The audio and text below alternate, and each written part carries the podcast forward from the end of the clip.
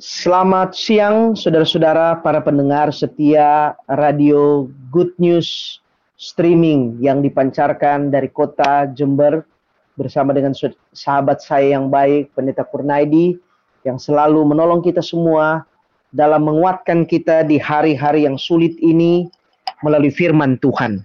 Terima kasih sekali lagi untuk kesempatan yang diberikan untuk kami boleh sharing, membagikan akan kekuatan firman Tuhan.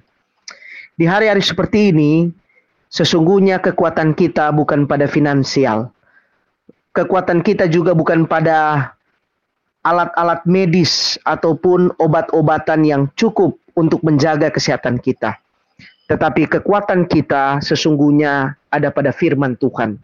Karena dengan firman Tuhan, jiwa kita boleh tenang, pikiran kita boleh lebih disegarkan, dan terlebih kerohanian kita boleh dijaga untuk selalu berpikir positif tentang kehidupan ini dan memandang Yesus sebagai kekuatan kehidupan kita hari ini. Pada kesempatan ini, pada serial Allah di masa-masa yang sulit, kami ingin membawakan sebuah topik yang baru untuk hari ini dengan judul Allah yang menjadi sahabat yang baik untuk umat-umatnya.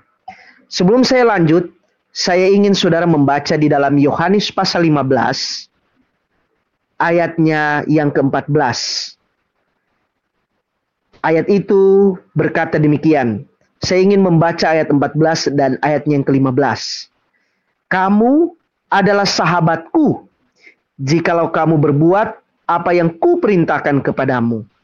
Aku tidak menyebut kamu lagi hamba, sebab hamba tidak tahu apa yang diperbuat oleh tuannya. Tetapi aku menyebut kamu sahabat, karena aku telah memberitahukan kepada kamu segala sesuatu yang telah kudengar dari Bapakku.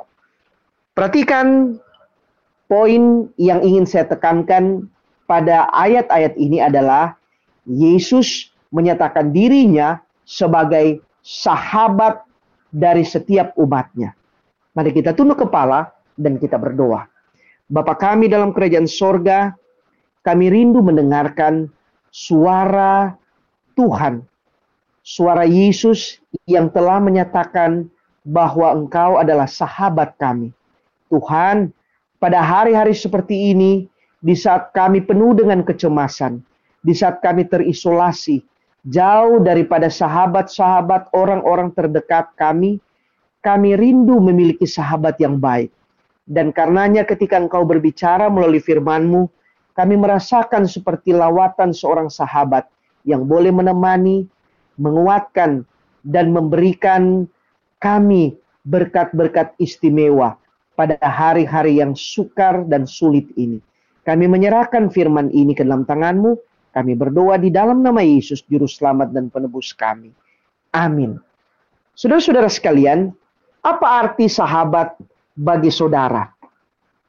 Saya percaya tidak ada orang yang hidup di buka bumi ini yang tidak memiliki sahabat. Ada sebuah ungkapan yang mengatakan, "No man is an island." Tidak ada seorang yang seperti pulau kecil yang tersendiri tidak ada.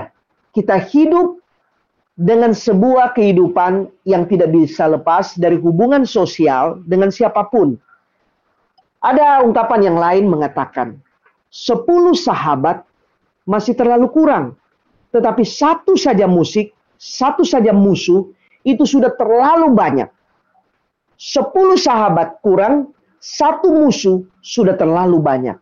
Dengan kata lain, lebih banyak sahabat dalam hidup kita, maka itu akan lebih baik. Saya senang untuk mengatakan kepada saudara-saudara, saya memiliki sahabat yang baik di kota Jember, yaitu Pendeta Kurnaidi. Seorang hamba Tuhan yang begitu setia, suka membantu, begitu ramah, begitu santun. Beliau adalah sahabat saya yang baik di dalam pelayanan. Saya suka dengan beliau. Saya percaya saudara juga memiliki sahabat yang baik di mana pun saudara berada, siapa pun dia, saudara senang oleh karena ada sesuatu yang positif dari sahabat Anda.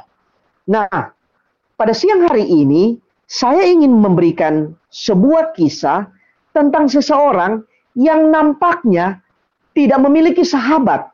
Setidaknya untuk hari itu terlihat dia adalah seorang loneliness, seorang yang sangat tersendiri, terkucil.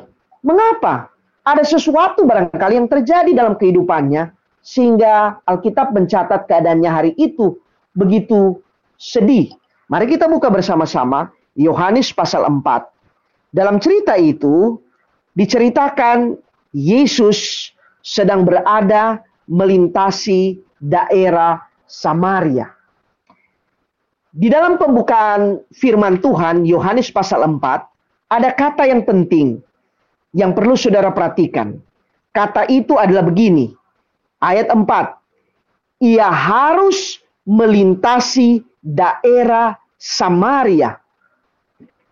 Ada apa dengan kata harus ini? Emang bisa nggak harus? Sedikit saya ingin memberikan latar belakang. Daerah Samaria adalah daerah yang berada di tengah dari Palestina. Jika saudara-saudara memperhatikan peta Alkitab, maka daerah Palestina itu yang memanjang, saudara akan memperhatikan di sana bahwa dalam peta itu ditunjukkan untuk datang dari utara ke selatan, maka itu harus melewati daerah Samaria. Untuk datang ke Jerusalem dari utara itu harus lewat seharusnya daerah Samaria. Jika engkau dari Galilea kemudian datang ke selatan ke Yudea ke Jerusalem, maka seharusnya melewati Samaria. Karena itu adalah jalan yang terdekat, terpendek jaraknya. Tetapi ironisnya atau hal yang bertolak belakang justru adalah orang Yahudi justru lebih memilih untuk menyimpang atau mencari jalan yang lebih panjang ke arah timur atau ke arah barat dibandingkan dia harus straight atau lurus menuju ke selatan melewati Samaria. Mengapa? Karena bagi orang Yahudi kuno atau orang Yahudi di zaman Yesus, mereka lebih memilih untuk menyamping, memilih jalan yang lebih luas, karena mereka tidak mau ketemu dengan orang Samaria. Mengapa? Ada ceritanya. Begini saudara-saudara. Orang Samaria sebenarnya adalah bagian dari Israel zaman dulu. Tetapi seperti yang kita ketahui, pada zaman Raja Hosea, maka Raja negeri Asyur menyerang mereka. Sehingga sepuluh kerajaan ini diangkut dan dibawa ke sana. Lalu dalam perjalanan waktu, Raja Asyur akhirnya menaruh orang-orang yang lain dari bangsa-bangsa sekitar dan ditaruh di Samaria. Lalu kemudian ketika orang-orang baru ini datang, mereka sengaja dibuat untuk bercampur dengan bangsa-bangsa lokal. Tetapi bukan hanya itu, budaya dan agama kafir pula dibawa oleh orang utara ini yang menyebabkan mereka tidak lagi seperti nenek moyang mereka. Dengan kata lain, dalam tradisi, dalam budaya, dalam berbakti, mereka tidak sama seperti orang Yahudi. Dengan demikian, maka itulah yang menjadi alasan orang Yahudi tidak mau bersentuhan dengan orang Samaria. Mereka merasa bahwa mereka ini adalah orang najis, mereka ini adalah orang kafir, mereka ini adalah orang yang tidak pantas untuk menerima berkat seperti seharusnya mereka terima. Nah, di zaman Yesus terjadi diskriminasi yang sangat kuat sehingga jangankan lewat di negeri orang Samaria berpapasan dengan orang Samaria pun apabila kena bayang mereka maka orang Yahudi tidak segan-segan seperti halnya kita hari ini mereka cuci badannya karena mereka menganggap mereka telah dinajiskan oleh orang Samaria. Mereka lebih memilih untuk bersentuhan dengan binatang daripada bersentuhan langsung dengan orang Samaria. Mereka bagaikan ketika bersentuhan dengan orang Samaria, mereka merasakan bagai mereka merasakan bagaikan mereka bersentuhan dengan orang yang kena COVID-19 hari ini. Wah, kalau begitu keadaannya, celaka kalau seperti itu orang-orang. Saudara-saudara, begitu kuatnya diskriminasi Yahudi terhadap Samaria waktu itu. Sehingga pemandangan-pemandangan yang tidak elok sering dijumpai. Nah, dengan latar belakang seperti ini, maka kita mulai mengerti ketika kenapa Yesus berada di sana. Seharusnya tidak tidak harus dia lewat di sana. Dia harus berbalik ke jalan atau lewat jalan yang lain. Tapi kenapa dia harus? Saya ingin memberitahukan sesuatu yang penting. Bagi Yesus, semua manusia itu penting. Tidak ada yang najis, tidak ada yang kafir, tidak ada yang perlu didiskreditkan, disendirikan. Semuanya adalah orang-orang yang berharga wanita ini pun adalah wanita berharga di mata Yesus setidaknya. Kita ulangi lagi, Yohanes pasal 4, ayatnya yang keempat. Ia harus melintasi daerah Samaria. Nah sekarang kita masuk ke ayatnya yang kelima. Maka sampailah ia ke sebuah kota di Samaria yang bernama Sikar, dekat tanah yang diberikan Yakub dahulu kepada anaknya Yusuf. Saudara-saudara, kalimat ini penting. Sekarang mari kita coba tarik jauh ke belakang. Ketika disebutkan nama Yusuf, siapa Yusuf? Saudara pernah mengingat kisah tentang Yusuf bukan? Yusuf dari antara 12 anak Yakub laki-laki, maka kisah di dalam buku kejadian sangat jelas berpuluh tahun yang lalu. Yusuf inilah yang menyelamatkan keluarganya dengan memberikan mereka makanan saat dia menjadi penguasa di Mesir. Keluarganya bisa hidup, termasuk di sana nenek moyang dari orang Yahudi bisa hidup, yaitu Yehuda dan anak-anaknya dan cucu-cucunya termasuk nenek moyang dari orang Yahudi, Yakub, bisa hidup oleh karena makanan yang diberikan oleh Yusuf. Ironisnya, ribuan tahun kemudian, keturunan Yusuf yang mendiami daerah Samaria dikucilkan. Saudara-saudara sekalian, inilah fenomena dunia ini.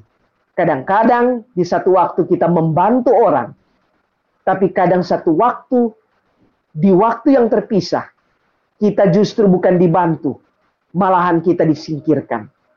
Tetapi beginilah hidup. Jika saudara mengalaminya, saudara bukan orang satu-satunya, dan itu bukan kejadian yang pertama.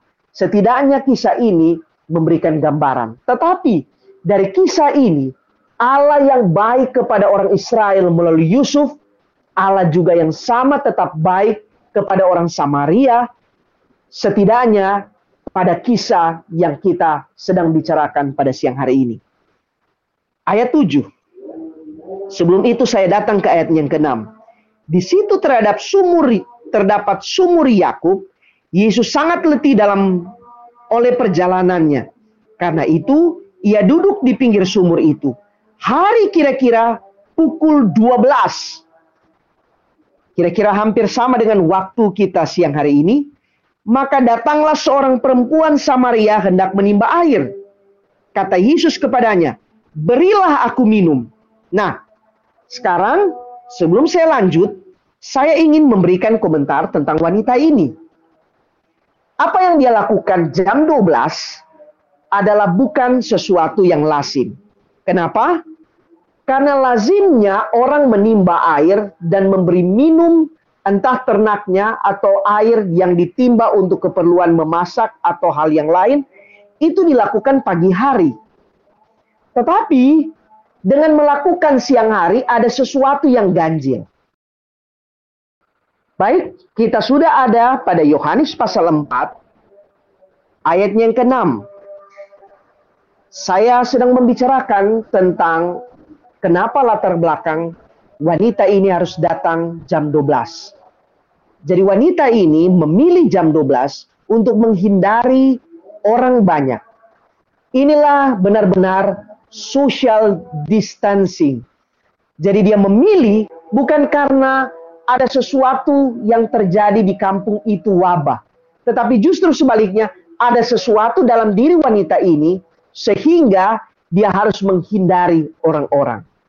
Wanita ini terlihat di dalam catatan buku Yohanes bukanlah wanita yang baik. Ayat 18 mengatakan begini. Ini yang Yesus sebutkan.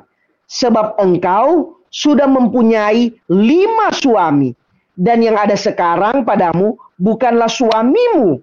Nah, di sinilah akhirnya terkuak reputasi dari wanita ini. Kalau ada yang kita kenal playboy, maka ibu ini, wanita ini, barangkali kita sebut playgirl. Karena dia memiliki banyak kekasih. Lima suami ditambah satu yang hari ini bukan suami, tetapi adalah orang yang dekat, sahabat dekat, pacar barangkali. Saudara-saudara sekalian, dengan memahami keadaan seperti ini dari seorang wanita yang memiliki lima suami dan saat ini hidup dengan bukan suaminya, maka kita bisa membayangkan reputasi seperti apa orang ini. Nah, saya sekali lagi kembali kepada ayat 1.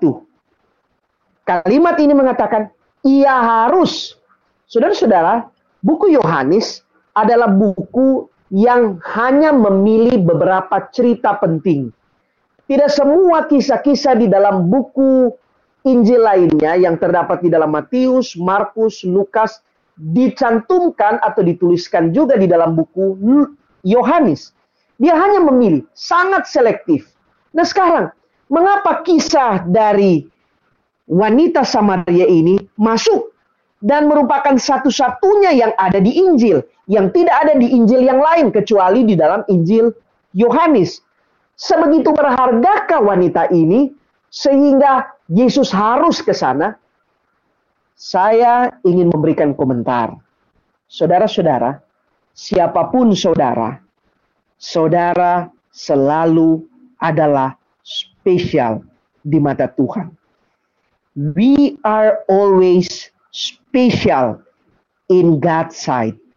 Kita selalu istimewa di dalam pandangan Tuhan. Siapa pun kita.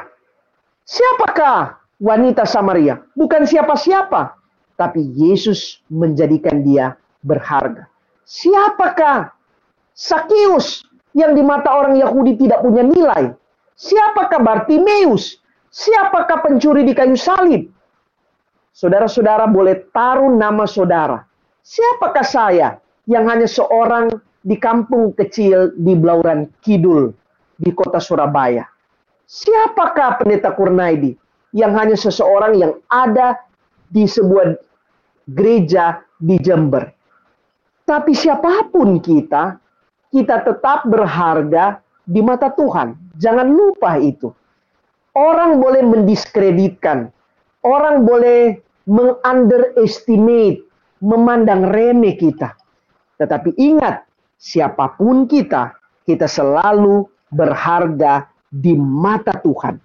Jadi poin yang pertama yang harus kita dapatkan dari kisah ini dengan pernyataan ia harus Yesus harus ke Samaria, maka yang kita dapati adalah wanita ini berharga, sangat berharga bahkan, sehingga untuk wanita inilah Yesus rela jalan melewati ke Samaria, bahkan bertemu dan berbincang dengan wanita ini. Kemudian, yang kedua yang kita dapati di sana, kita tahu cerita ini bukan hanya satu dua menit di mana kita akhirnya boleh melihat di sana Yesus berbincang-bincang dengan wanita ini. Saya rasa ada lebih dari satu, dua, tiga, bahkan mungkin berjam-jam. Saudara-saudara sekalian, untuk menyediakan sebuah waktu yang khusus bagi seseorang, tentunya kalau tidak istimewa, maka tentunya saudara tidak mau meluangkan waktu saudara, bukan? Jangan lupa, Ketika Yesus ada di dunia ini, waktunya sangat padat. Setiap detik, menit, dan jam adalah berharga. Sehingga tidak ada yang terlewatkan atau kosong begitu saja tanpa ada sesuatu yang penting untuk diisi. Pelayanan Yesus sangat berharga dan waktunya pun demikian berharga. Sehingga rasanya untuk orang-orang seperti ini itu tidak penting. Kecuali orang-orang ini sangat penting. Nah sekarang, saudara-saudara pernah bertemu dengan pejabat. Atau paling tidak, saudara punya pengalaman pribadi.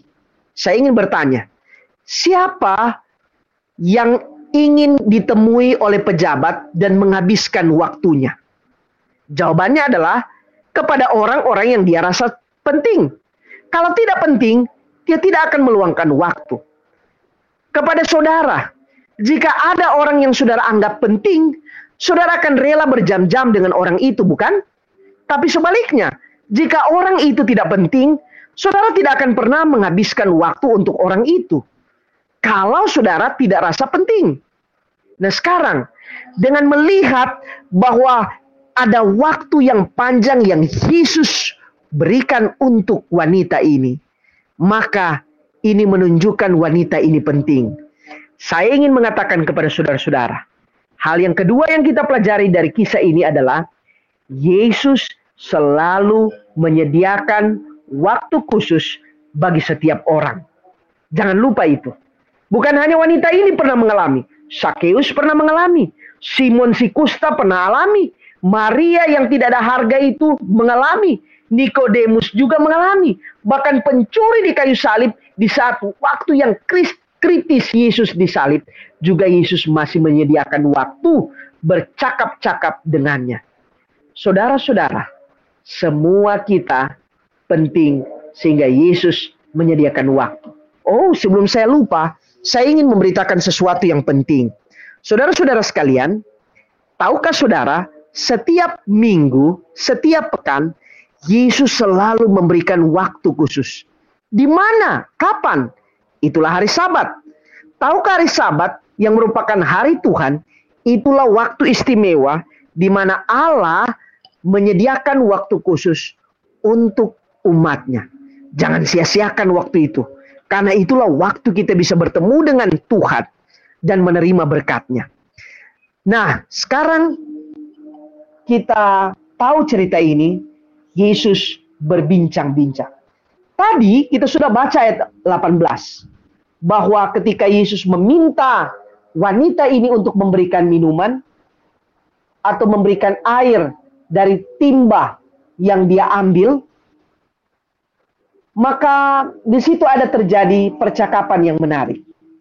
Lalu dari percakapan itu, tadinya wanita ini menolak dan ada keraguan, tetapi setelah Yesus mengatakan, engkau mempunyai lima suami dan saat ini engkau tidak bersama dengan suamimu, maka seharusnya jika kita mengetahui Yesus dan menyadari siapa wanita ini, barangkali ini adalah kesempatan yang baik untuk Yesus menegur wanita ini.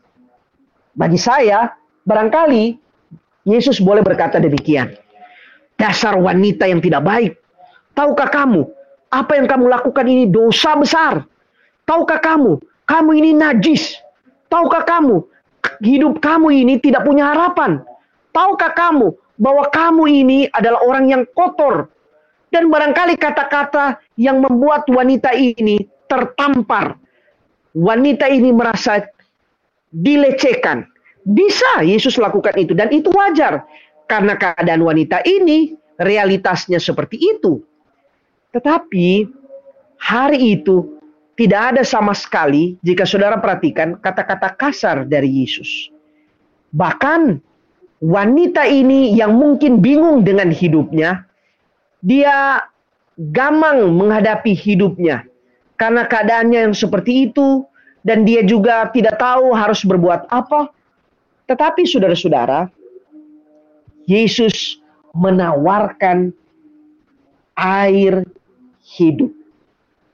Ketika Yesus menawarkan air hidup, maka itu adalah sebuah solusi dari persoalan hidup dari wanita ini, bukan? Apa yang ingin saya katakan adalah bahwa Yesus selalu memberi solusi hidup, bukan masalah. Saudara-saudara, ketika Yesus mengatakan, "Marilah kepadaku semua yang letih lesu dan berbeban berat." Maka Yesus memberikan tawaran solusi, bukan masalah. Bukan hanya Departemen Pegadaian saja yang hari ini dengan motonya memberikan solusi, memberikan jalan keluar. Tetapi Yesus lebih dari itu. Dia adalah oknum yang senang memberikan jalan keluar. Efesus pasal 3 ayat 20 katakan, bagi dialah yang dapat melakukan jauh lebih banyak, jauh lebih besar daripada apa yang kita doakan. Mengapa hari ini kita tidak datang kepadanya? wanita ini bertemu dengan sosok yang tidak hanya memberikan air, tetapi juga memberikan air hidup yang boleh menolong dia. Yang keempat, setelah kita mempelajari bahwa Yesus dapat memberi solusi hidup bukan masalah. Yang keempat adalah dia adalah sahabat yang selalu menemani dan selalu akan menemani kita. Saudara-saudara sekalian, seperti ayat yang sudah saya bacakan tadi, Yesus berkata bahwa dia adalah sahabat. Dia adalah kawan kita. Yohanes 15 ayat 14 katakan, kamu adalah sahabatku. Jadi Yesus menyatakan bahwa dirinya adalah sahabat setiap orang. Saudara-saudara sekalian, dia adalah sahabat setiap waktu. Dia adalah sahabat mereka-mereka yang ditulis dalam Alkitab. Dia juga adalah sahabat kita hari ini. Saudara-saudara, saya ingin menceritakan sesuatu yang terjadi pada tanggal 16 April tahun 2007 di sebuah kampus yang ada di Amerika Serikat yang bernama Virginia Tech. Pada waktu itu hari masih pagi. Kegiatan belajar mengajar sementara berlangsung tiba-tiba suasana berubah menjadi mencekam, mengerikan dan menakutkan. Mengapa? Karena ada seorang pria yang bersenjata api bernama Cho Seung Hui tiba-tiba mengangkat senjatanya, kemudian menembakkan senjatanya dengan cara membabi buta. Dan dalam hitungan menit, 32 orang mati seketika sementara lainnya luka parah. Di antara orang-orang yang menjadi korban, terdapat seorang mahasiswa Indonesia yang mengikuti program doktoral di universitas itu yang bernama Partahi Mamora. Saudara-saudara sekalian, orang menghujat sang pembunuh ini, Cho Seung Hui. Rupanya Cho Seung Hui ini sebetulnya adalah mahasiswa dari universitas ini. Dia adalah pelajar atau mahasiswa yang resmi terdaftar di universitas ini.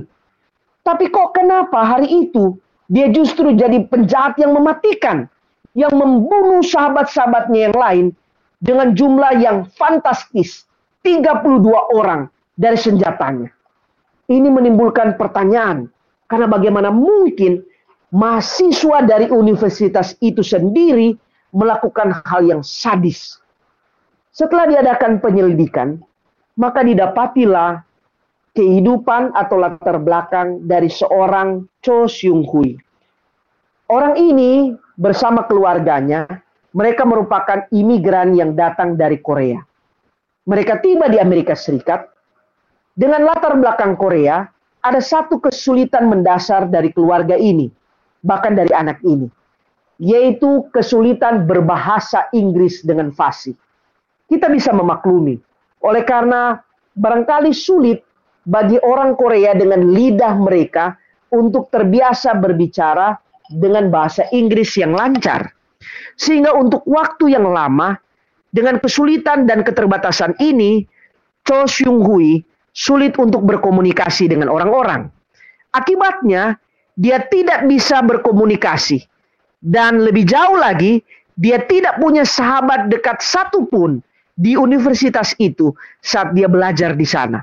Dia loneliness, sendirian, tanpa ada sahabat. Tetapi tidak ada yang paham situasinya.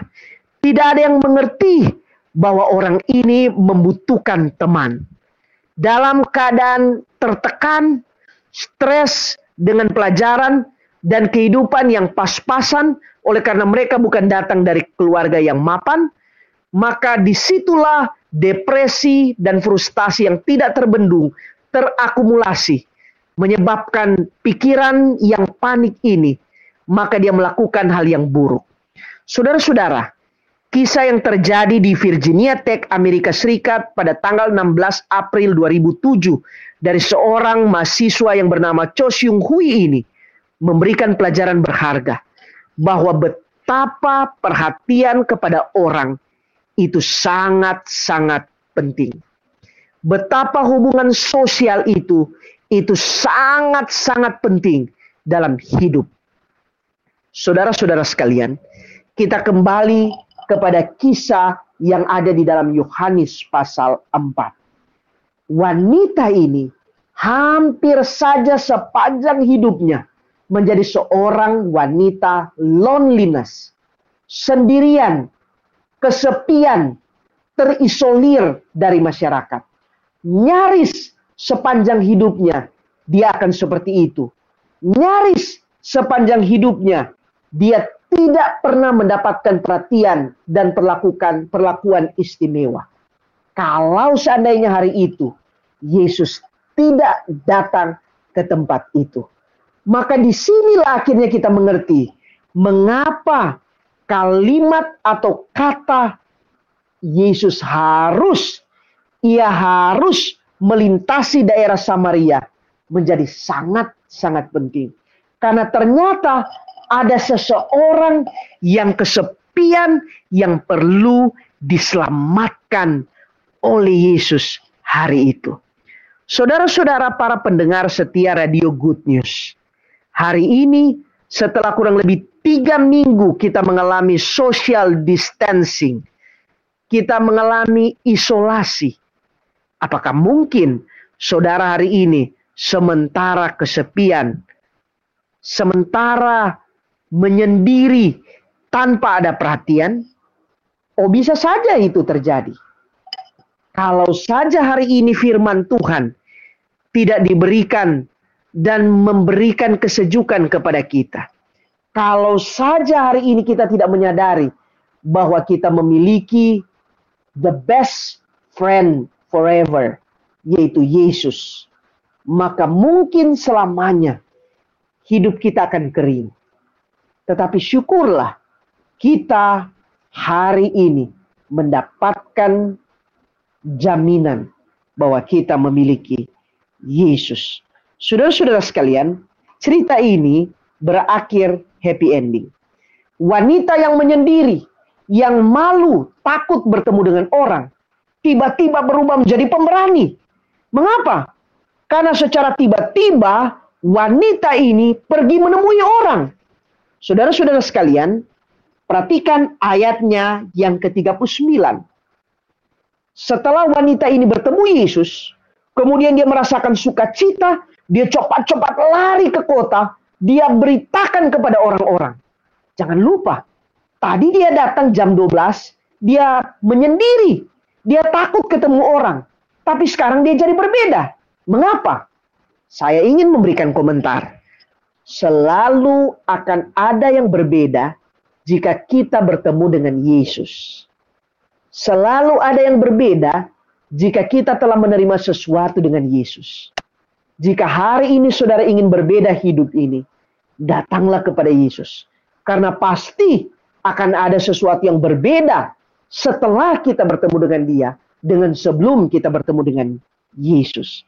Mari kita baca ayat 39 dari Yohanes pasal 4. Dan banyak orang Samaria dari kota itu telah menjadi percaya kepadanya. Kepada Yesus maksudnya. Karena perkataan perempuan itu yang bersaksi. Ia mengatakan kepadaku segala sesuatu yang telah aku berbuat. Saudara-saudara sekalian, lucu bukan? Tadinya wanita ini bukan siapa-siapa. Tadinya tadinya wanita ini terisolir, dimusuhi, dijauhi. Tapi sekarang justru dari wanita ini, karena perkataan wanita ini, orang justru percaya. Saudara-saudara, Yesus bisa mengubah reputasi kita. Yesus bisa mengubah di mana masa lalu kita buruk, tapi jika dia ada hari ini dalam hidup kita, dia bisa mengubah kita menjadi orang yang baik. Jangan lupa itu. Setidaknya kisah ini memberikan bukti akan hal itu. Saudara-saudara sekalian, Yesus akhirnya tidak hanya menemani wanita kesepian ini, tapi juga mengubah hidupnya. Bahkan lebih penting, dia menjadikan wanita yang tidak berharga ini menjadi seorang yang sangat berarti yang membawakan kabar keselamatan kepada orang lain. Saudara-saudara sekalian, hari ini kita penuh dengan banyak masalah. Banyak hal yang mungkin tidak baik. Tetapi jangan lupa, kita masih memiliki Allah yang baik, Allah yang mampu mengubah kehidupan kita. Semoga setelah kita mendengar akan pemberitaan firman Tuhan ini, kita boleh dikuatkan, kita boleh terhibur, kita boleh memiliki sukacita di tengah-tengah situasi kita hanya di rumah saja hari ini, terisolir dengan orang-orang di luar. Kita dikuatkan dengan jaminan bahwa ada Yesus yang menolong kita. Untuk itu mari kita tunduk kepala dan kita berdoa. Bapa kami dalam kerajaan sorga, terima kasih oleh karena kami boleh mendengarkan nasihat melalui kisah yang berharga dari wanita Samaria bagaimana Yesus memberikan waktu khusus datang menemui wanita ini dan menguatkannya, memberikan dia sesuatu yang berharga, bukan hanya untuk dirinya sendiri, tetapi juga dia di mata orang lain. Bapa, kami pun berharap Tuhan akan menjadikan kami orang-orang yang berharga. Apa pun keadaan kami, di mana pun kami saat ini, Tuhan, di saat kami cemas, ketakutan, dan barangkali merasa tidak berharga, kami menyerahkan kehidupan kami ke dalam tangan. Berkati kami semua Tuhan. Kami mohon Tuhan menolong kami hari ini. Kami menyerahkan seluruh pendengar radio Good News ini ke dalam tanganmu. Kami mohon doa ini hanya di dalam nama Yesus, Juru Selamat dan Penebus kami. Amin. Tuhan kiranya memberkati kita semua.